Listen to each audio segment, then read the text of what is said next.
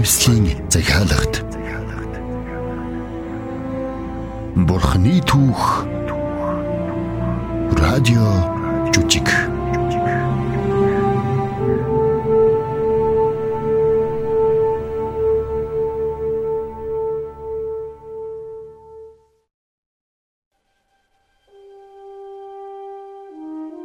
Бүтээлийн түүх эхэлж байна. Энэхүү 24 ангид цовруулж үжигнэ. Бурхны үгэнд бичигдсэн эртний үйл явдлуудаас сэтвэлсэн гайхамшигтай түүх байгаа юм. Энэ бол агуу хайр, агуу хохирлын түүх. Энэ бол хүн төрлөختний хамгийн сайн болон хамгийн муу зүйлсийг илчлэн харуулдаг түүх. Бүтээлийн гайхамшигтай мөчүүдээс эхлэн сүрэл боолчлолын бараан өдрүүд хүртэл харуулсан бөгөөд энэ бол Бурхан өөрийн хүмүүсийн хувь тавилангийн төлөө хизээч бууж өгөлгүй хизээч зогсолгүй өөрийн хүмүүсийн хувьд идэвхтэйгээр тодорхой байр суурийг эзэлсэн Бурханы түүх юм.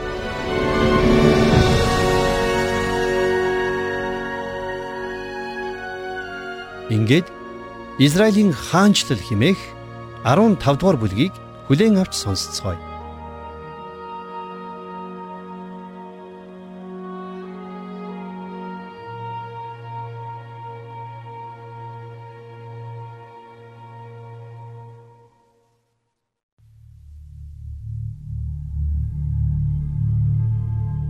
Амлагдсан газрыг эзэмшсэн Йошуа болон бүх үеийнхэн өгсний дараа Израилийн өөр нэг үе гарч ирэв.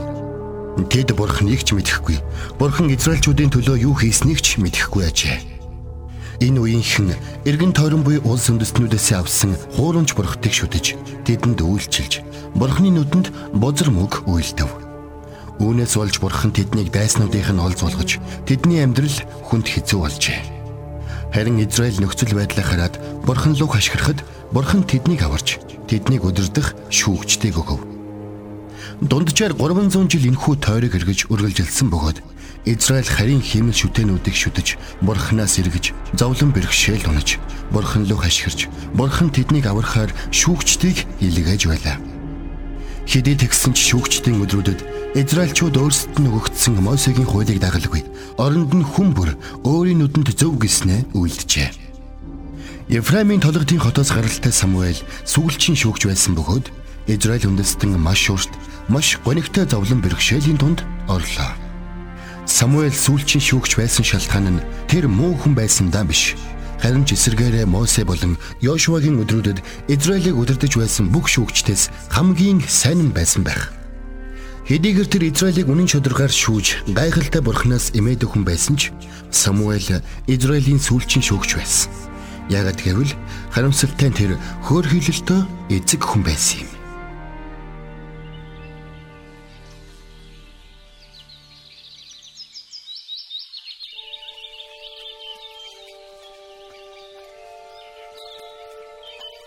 Самуэль эцэг минь бид тантай ярилцаж болох уу? Өдрийн мэнд асаа хэр найз минь. Өдрийн мэнд. Өдрийн мэнд хэвэр. Би та хоёртой яаж туслах вэ? Хэвэр бид хоёр бид за найз минь. Би нөгөө юу бид хэл хэл. Бид таны хүүхдүүдийн талаар л ярилцах гэж ирсэн юм л да. Юу? Миний хүүхдүүд үү? Тийм ээ, Самуэль эцэг минь таны хоёр хүү. За Би ойлголоо. Биднийг явуулаад биднийг энийг хэл гэж хэн та нарыг илэг эснийг би жаахан байж байгаад асууна. Харин эхлээд надад юу дуулахаар ирснээ хэлтэй. Бид нөгөө юу л да нөгөө Израилийн ахмадууд за таныг өөрийнхөө оронд хөвгүүдэд томилох гэж байна гэсэн цуурхал сонссон байна. Аа ахмадууд Мэдээж. Гоо тэгээд ахмадууд энэ хэрэг дээр надад юу гэж хэлэх гэсэн юм болоо? Наашир Самуэль эцэг минь. За, таны хөвгүүд тань шиг бурхны замаар алхдаггүй болохоор та болгоомжлох ёстой. За. Бид тэднийг буруутгах гэж ирээгүй. Самуэль эцэг минь энэ зүгээр л тэгээд зүгээр л тэд Израиль үндэстний шүүгч хийхэд тохирох хүмүүс биш ээ. За, би ойлголоо. Ойлгож өгөрөө Самуэль эцэг минь. Бид хүсэхгүй байна. Юу гэх гисэн бэ гэхлээр Самуэль. Та хөгшөрч байна. Бас э, таны хөвгүүд таны замаар алхдаггүйг та ойлгох ёстой. Гүй тэгээд Гү чи надаас юу гоох гэж ирсэн юм бэ? Ахмадууд таныг э, бусад үндэстнүүд чиг биднийг удирлах хаан томлож өгөөч гэж хүссэн. Юу? Энд чи юу гэж үг вэ? Хаан гинэ? Тийм ээ, хаан. Гүй чи ахмадууд хаан хүсэж байна гэж үү? Тийм ээ. Хм. За цаашаа. Намайг орих найзууд минь. Гэхдээ Самуэль эцэг минь Би энэ тухай цаашд ярилцахгүй. Намайг одоо орих орих. Үгүй тэгэд бид ахмадуудад ямар хариу өгөх вэ? Чийл хариу өгнөгч. Нэгэнт надад өгөх хариу байхгүй учраас чийл хариу өгнөг.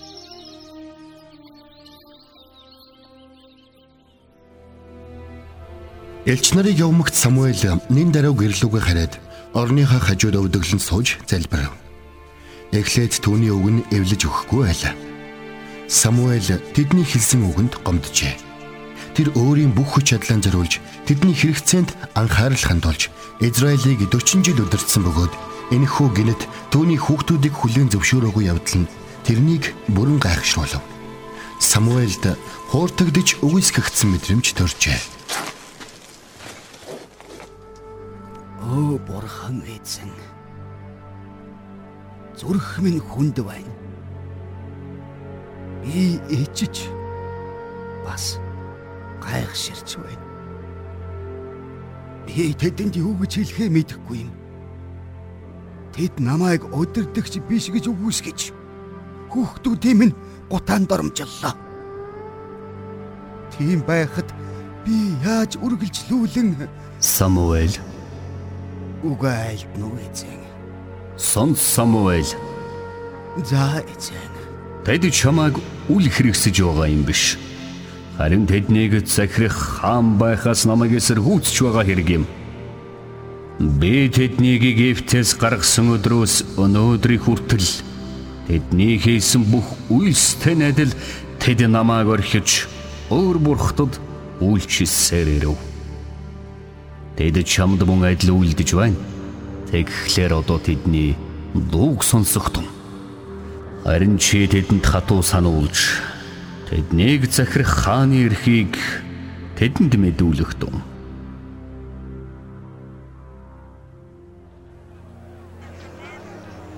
Тиймээс Самуэль Израиль үндэстнийг цуглуулan гэрийнхэн ойролцоох толгодын хажууд зогсоод тэдэнд хаан тэднээс хэрхэн татвар хурааж хэрхэн цэргүүд болон морд цэргүүд тэднийг захирахыг хөвгүүдийн цэрэг татаж огтын татварын болгон авах болно гэдгийг анхааруулв.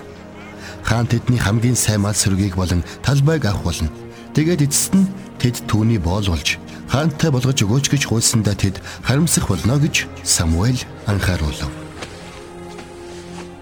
Израилийн эрчүүд намайг сонсцгоо. Хаан бас та нарын эрэгтэй эмэгтэй боолууд хамгийн ажилсаг залуус илжгийг авч эдгээрийг өөрийнхөө ажилд хэрэглэн тэр та нарын хонин сүргүүдээс 10-ны 1-ийг авч та нар өөрсдөө түүний боолууд болно. Би та нарт анхааруулж байна. Тэр өдөр та нар сонгосон хаанаасаа болж гашуудан уйлж хашгирахад Бурхан тэр өдөр та нарт хариулахгүй. Бидэнд хаан өгөөч.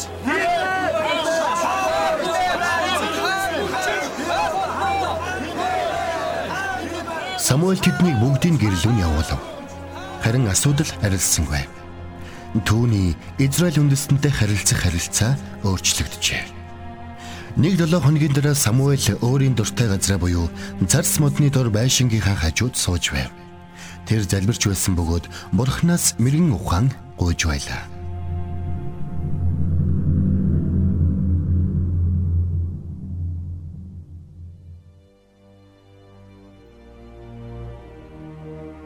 Самуэль Би энд байна.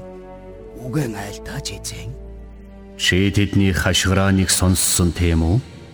Тийм ээ. Тэд чиний анхааруулгыг хайхралгүй хаантай болохыг хүсэж байна. Тийм ээ эзэн. Тэд тэглээ. Маргааш өдөөд би чам руу Беньяминий нутгаас нэгэн хүнийг явуулна.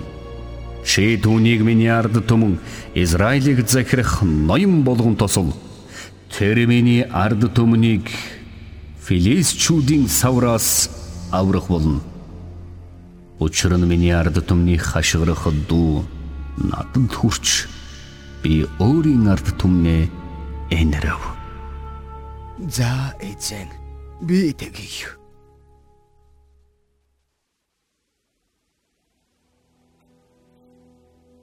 Ябин. Ябин. Хүлээгэж. Намайг уучлаарай Саул эзэнтэй. Гэхдээ 3 жил өнгөрчээ. Гэтэл бид таны аавын илжгнүүдийг олоогүй байна. Тийм ээ Ябин. Одоо буццгаая. Эс тэгвэл эцэг маань элжигнүүдтэй биш. Харин бидэнд санаа зовх болно. Хараач. Толгодын цаанаас суунаглаж байгаа утааг харж байна уу? Тийм ээ, харж байна. Дээр нь байгаа хотод бурхны хүн байна. Юу? Тэр өндөрт өргөмжлөгдсөн.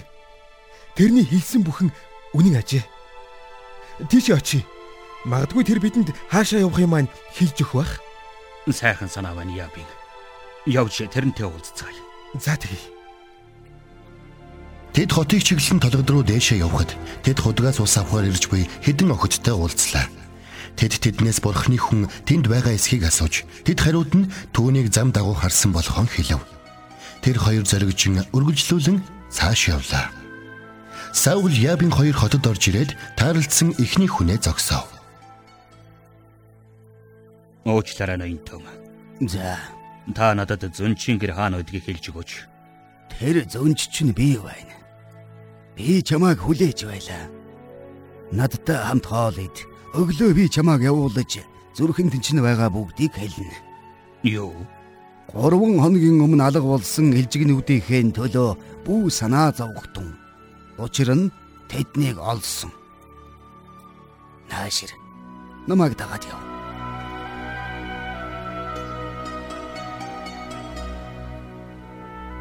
Самуэль 30 орчим зочин урж тэдэнд бүгдд нь хоол болон найрсаг зан таалагдав.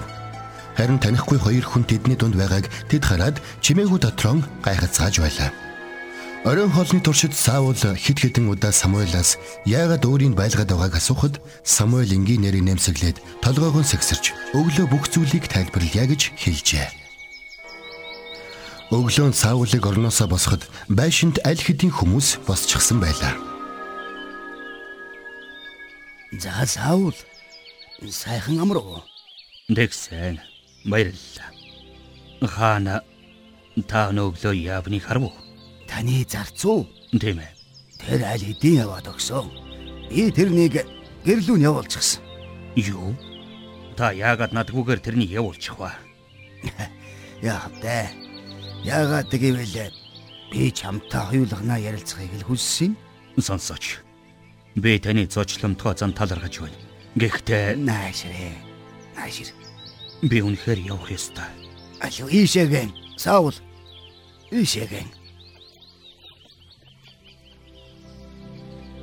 Сайн байна. Одоо энэ модны хажууд энэ сүүдэрт суучих. Энд За. Наад гардч нь байгаа зүйл юу вэ? аа энэ тосны сав. За одоо суу саавал Та та юу хийх гэж байна? сайн байна. Та яагаад миний толгой дээр тос цутгах гээд байгаа юм бэ? Бурхан чамайг өөрийн өвийн удирдагчаар тослоогүй гэж үү? Чи өнөөдөр явхад Бурхан чамайг Израилийн хаанаар сонгосныг баталсан тэмдэг чамд үзүүлэх болно. Бурханы сүнс чиний дээр байж чи өөр хүн болж өөрчлөгдөх болно. Эдгээр тэмдэг үед биелэх үед хийх зүйлээ хийх тун. Учир нь Бурхан чамтай хамт байх болно. Гэхдээ Гилгаал руу яв Саул. Би чиний ардаас очиж Израилийн шинэ хаан хэмээн чиний өмнөөс бурханд шатаал тахил өргөх болно. Гэхдээ чи 7 өдөр хүлээх ёстой. Тэр үед би чам дээр ирж чамд юу хийх ёстойг чинь хэлэх болно. Яагаад? Яваа яв. Миний хэлснээр хий Саул. Яв. За Самуэль. Хэлснийдэн дагуу би хийх болно.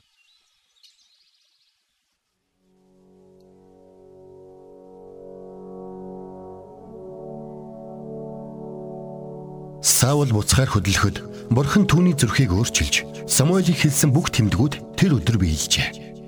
Хэдийгээр түүний гэртээ ирэхэд тэр хиндэж Самуэлийн түүнд хэлсэн зүйлийн талаар хэлсэнгүй. Дараа өдөр нь тэр үг эцэст нь хурж бүх Израиль Мицфад цуглав. Учир нь Самуэль хин нэгнийг хаанаар туслах гэж байлаа. Хин хаан болох талаарх цуу тархаж эхлэв. Тэгээд 300 жилийн турш амлагдсан газар хаангүй байсан Израилийн бүхэл үндэстэн Мицва цуглаж маш олон хүн Тэнгэрийн хаяанаас Тэнгэрийн хаяа хүртэл тархав. Сүүлчийн шүүгч Самуэль зоглсон хүмүүст хандаж ярьлаа. Израилийн бурхан эзэн энхүү айлдж байна. Би Израилийг Египтээс гаргаж та нарыг Египтчүүдийн савраас болон та нарыг дарлаж байсан бүх хаанчлалуудын савраас аварсан бэлээ. Гэтэл бүхэл гай гамшиг зовлонгоос ч авардаг өөрсдийнхөө бурхнаас та нар өнөөдөр татгалцсан бэлээ. Эсвэн ч та нар бидний дээр хааныг тавигтун гэцгээсэн. Тэм учраас одоо бурхны өмнө овг болон ураг төрлөөрөө зогсохтун. Бүх овгууд нэг нэгээр ирэхэд Бинямин овг сонгогдов. Тэгээд Бинямины овгоос Матрийн ураг сонгогдов. Эцэст нь Кишин гэрээ сонгогдож Кишин хамгийн том хүү Саул гарч ирэв. Бурхны сонгосон хүн хэн болохыг та нар ойлгов уу? Тэр бол толгой болон мөрөөрөө энэ газар дах хэнээс ч илүү. Бүх хүмүүс дундаас тэрэн шиг хэнч байхгүй. Хаан урт таслах болтугай.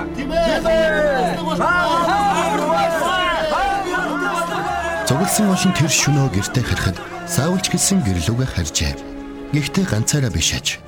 Түүнтэй хамт олон тооны баатарлаг ирчүүд байсан ба тэдний зүрхэнд бурхан хүрчээ. Тиймээс тэд Саулийн хаанчлалын айран болов.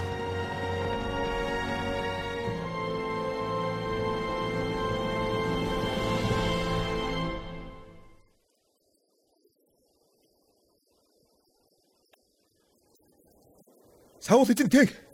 Саул эзэн тэг. Яасан бэ яав энэ? Яби шот руу давталж байна. Юу? Юу гэсэн үг? Тийм ээ, давталж байна. Хэн довтолж байна гэж? Амончууд. Тэд Яби шотыг бүсэлчихлээ. Бас тэд хотын ханыг давж ороод хотод угаа бүх ирчүүдийн баруун нүдийг ухна гэж сүрдүүлж байна.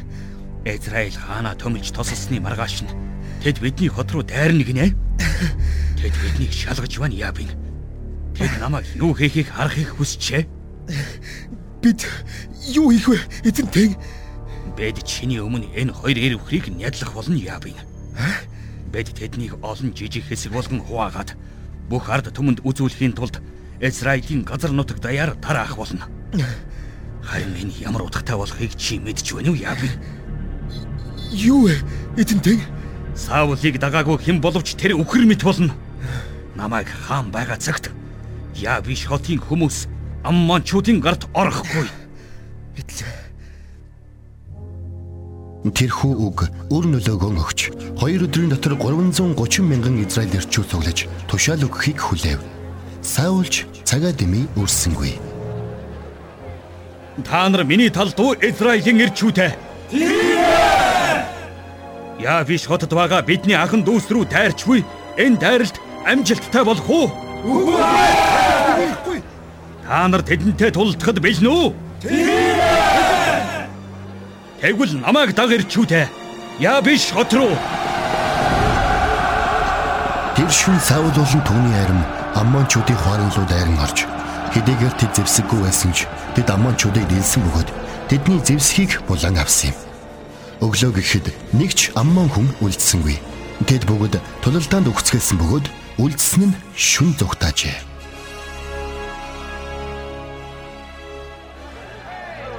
Саул хаан Израильчүүдийн дунд шүнжэнгөө баатар боллоо. Саул Гэлгалд дахин хаан гэдгээ батлав. Тэр газарт Самуэль хаантай болохыг хүссэн Израильчуудад анхааруулга хэлж байсан юм. Израилийн ирчүүдээ та нар хаан гуйсан. Тэгээд бурхан та нарын хүсэлтийг сонссон. Одоо тэгэхээр та нарын хүсэл сонгосон хаан энд байна. Харагтун. Эзэн та нарын дээр хааныг тавив. Хэрв та нар эзнээс эмээж түүнд үйлчилж тэрний дууг сонсож эзний тушаалыг үл эсрэгүүцэх бол та нарч та нарыг захирах хаанч Бурхан эзнэн дагах болно. Ямар ч хэрэггүй хэмэл шүтэнүүдийг бүү дагах. Тэд та нарт сайн зүйл хийхгүй. Бас та нарыг аварч чадахгүй. Яагаад гэвэл тэд чинь ямар ч хэрэггүй зүйл. Үүнээс гадна би та нарын төлөө залбирахгүйгээс бодож эзний эсрэг нүгэл үйлдэх нь надаас хол байг. Харин би та нарт сайн зөв замыг заана. Зөвхөн эзнээс эмээж бүх зүрхээсээ үнэн дотор түүнд үйлчлэх тун. Эзэн та нарт ямар агуу их зүйлс үйлцсэнийг санах тун. Харин хэрв та нар буруу зүйлс үйлдсээр байвал та нарч та нарын хаанч устгагдах болно.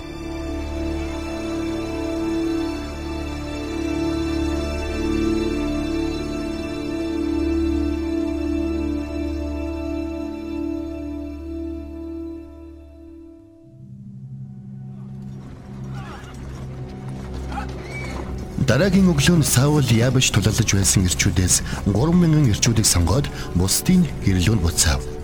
Ялалтанда баярлан байгаа Саул илүү хүчтэй филистчүүдийн эсрэг тулалдах ирчүүдээ шалгахаар шийджээ. Тэгээд тэр 3000 ирчүүдээ аваад Геба дэх хамгийн жижиг алслагдсан суурин руу дайрлаа. Хоёрхан өдрийн дотор Саул маш амархан ялж чадлаа. Саул тэр алслагдсан сууринг ялж дэр зэвсэг цуглуулад цэргүүдээ аван гэрийн зүг явлаа. Саул бүрээгүй үлэн шин ялалтаа зарлан тунхаглаж цэргүүдэд дагуулan явж байхдаа зам даган явах цэргүүдийн дүнсгэр байдлыг анзаарав. Яаби. Хүмүүс яаж хав? Дэд өчтөр амманчуудыг ялаад одоо харж байгаа хэрнээ баярлсан байдал харагдахгүй байх чинь. Магадгүй филистчүүдийн дайны удирдагч бидний өнөөдөр хийсэн зүйлд яаж хариу өгөх бол гэж тэд бодож байгаа байх. Яагаад? Энд чинь юу гэсэн үг вэ? Йоо, Бид аммончуудыг ялсан шигэ Плисчүүдийг ялаагүй гэж юу? Бид ялсан биз дээ. тийм ээ хаантан. Бид ялсан. Гэхдээ маш жижиг филистчүүдийн суурин гэх. Юу? Өглөө гэхэд энэ мэдээ филистчүүдийн удирдагчдын чихэнд хурж илүү их цэрэг дагуулад бидэнтэй дайтах болно. Чи чи юу санал болгомоор байна яавин? Юу магадгүй хаантан та Ябишт тантай хамт тулалдаж байсан бүх ирчүүдийг маш яралтай цуглуулах хэрэгтэй. Чи тэг хэрэгтэй гэж бодож байна уу? Тийм ээ хаантан. Би тэгж бодож байна. Зяац. Ябны зүг байлаа. Хоёр өдрийн дотор филистчүүд Саулийн дайрсан суурингийн баруун талд Михмашт маш их хэмжээний цэрэг цуглуулав. Тэд маш том тулаан хийхэр бэлдэж буйн тодорхой байсан бөгөөд тэр мэдээ Израильд эгшин зур тархлаа.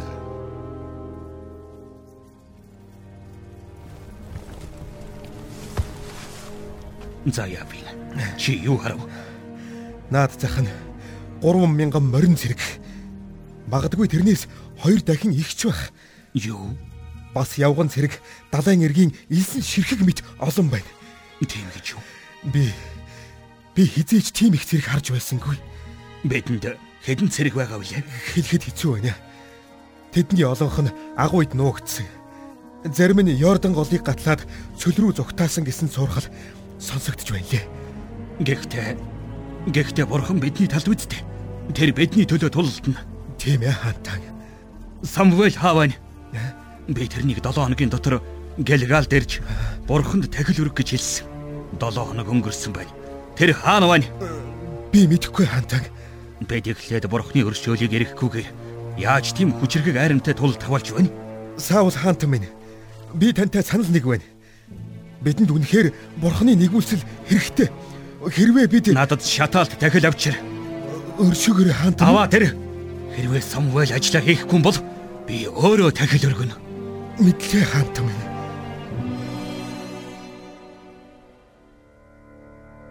Саул хааны тушаасны дагуу Ябин хийжээ. Цагийн дараа нар жаргах үед Саул шуугих галын урд зогсож байлаа. Саулын ард түүний ирчүүд сандран харж зогсно. Авраам, Исаакийн бурхан минь, Мосе, Йошуагийн бурхан минь, бас үлдсэн бүгдийн бурхан минь. Бид хүчрхэг дайсантай тулгарлаа. Тэднийг дийлэхэд туслаач бурхан минь. Бидэнд ялалтыг сойрхооч. Бас бидэнд тэдний зэвсгийг өгөөч. Амен. Саул энд юу болоод байна? Өө Самуэль та намайг цочоочлоо. Гү чи чи юу хийчих вэ? Хүмүүс намайг орхиж тааж тогтоосон хугацаанд ирээгүй бөгөөд Филистчүүд мехмаш цугларсныг би үзсэн байлаа.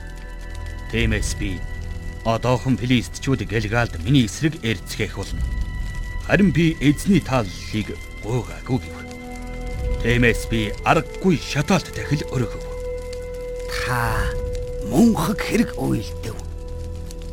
Та бурхан эзнийхэн танд тушаасан тушаалыг сагсангүй. Тэгээгүй байсан бол одоо эзэн Израильд таны хаанчлалыг мөнхөд тогтоох байсан. Гэвч одоо таны хаанчлал тогтохгүй. Эзэн өөртөө өөрийнх нь зүрх сэтгэлийн дагуу хүнийг олж тэр хүнийг өөрийн ард түмний өдөрдөгчаар томилсон. Учир нь эзэн танд тушаасныг та биелүүлсэнгүй.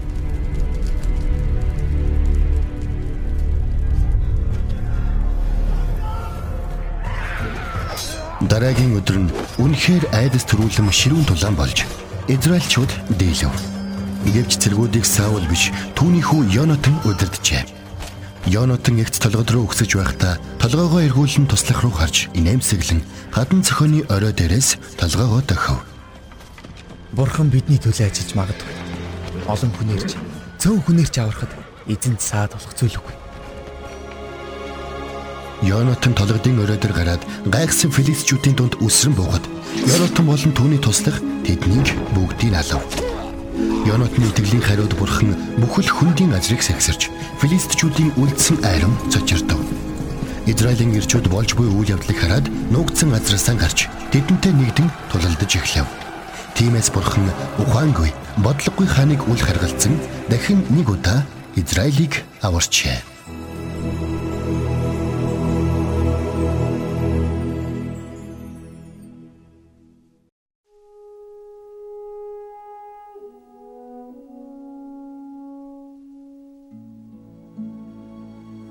Хэдийгээр Израилийн анхны хаан Саул мэрэгэн бус үйлдэл гаргасан ч нүгэлт хүн дахил өргөлгүйгээр бурханд хүрэх нь мэрэгэн бус боломжгүй зүйл гэдгийг тэрээр ойлгосон юм. Есүс бол та бидний гим нүглийн тахил. Бурхан биднийг мөнхийн хайраар хайрлсан. Гэвч бидний гим нүгэл биднийг Бурханаас салгасан. Зөвхт ариун бурхан бидний гим нүглийг уучлах арга замыг бий болгосон. Тэр зам бол Есүс Христ. Есүс бол Бурхны амьд үг. За мөн тахилын хураг юм. Есүс та бидний гим нүглийн уучлалын төлөө өгсөн. Есүс харин үхлээс амилсан бөгөөд өнөөдөр ч амьд байна. Есүс бидний амьдралд ирж бидний гим нүглийг уучилж мөнхийн авралыг авчрах эрх мэдэл зөвхөн түүнд л байдаг. Гим нүглийн уучлал болон мөнхийн амьдрал бол Бурханаас биднэрт өгч байгаа үнэгүй бэлэг юм. Бид энэхүү бэлгийн төлөө хөдөлмөрлөх шаардлагагүй. Энийг бэлэг мэт хүлээн авдаг. Уучлал болон мөнхийн амийг хүлээн авахын тулд бид харин гим нүглүүдээс эргэж Есүст итгэн түүнийг амьдралынхан аврагч эзэн хэмээн хүлээн зөвшөөрөх хэрэгтэй. Би одоо бурханд хандан чин сэтгэлээсээ товчхон залбирах гэж байна. Та харин миний залбирахыг сонсоод дараа надтай хамт залбираарай. Аава. Би гим нүгэлтэй гэдгээ мэднэ. Есүс миний гим нүглийн төлөө нас барсан гэдгийг би мэдэж авлаа. Тэрээр зөвхөн нас бараа зогсоогүй. Үхлээс амилсан. Өнөөдөр ч амьд байгаа гэдэгт би итгэж байна. Бурхан минь би одоо гим нүглээсээ эргэж байна. Ганцхан Есүс л миний аврагч болж намайг уучлана гэдэгт би итгэж байна. Би Есүсийг өөрийнхөө амьдралын аврагч мөн эзэн болгон хүлээн авъя. Есүсээ өнөөдрөөс эхлэн би таныг дагах болно. Намайг хайрлаж миний амьдралд ирсэнд баярлалаа. Амен. Та одоо дараах энгийн үгсээр намайг дагаад чин сэтгэлээсээ залбираарай. Аава Би өөрийгөө гим нүгэлтэй гэдгийг мэднэ. Есүс миний гим нүглийн өмнөөс нас барсан гэдэгт би итгэж байна. Тэр харин үхлээс ам орж өнөөдөрч амьд байгаа гэдэгт би итгэж байна. Бурхан минь би одоо гим нүглээсээ эргэж байна. Би Есүсийг өөрийн амьдралдаа аврагч бас эзэн болгон хүлээн авъя. Би өнөөдрөөс эхлэн Есүсийг дагах болно. Эзэн Есүс минь намайг хайрлаж миний амьдралд ирсэнд баярлалаа. Амен. Хэрвээ та энэ залбирлыг чин зөрсгөлөөсөө бурханд хандан хэлсэн бол тэр таны зөрсгөлийг сонссон. Ингээд дараа дараагийн гайхамшигтай түүхээр иргэн уулзцгаая.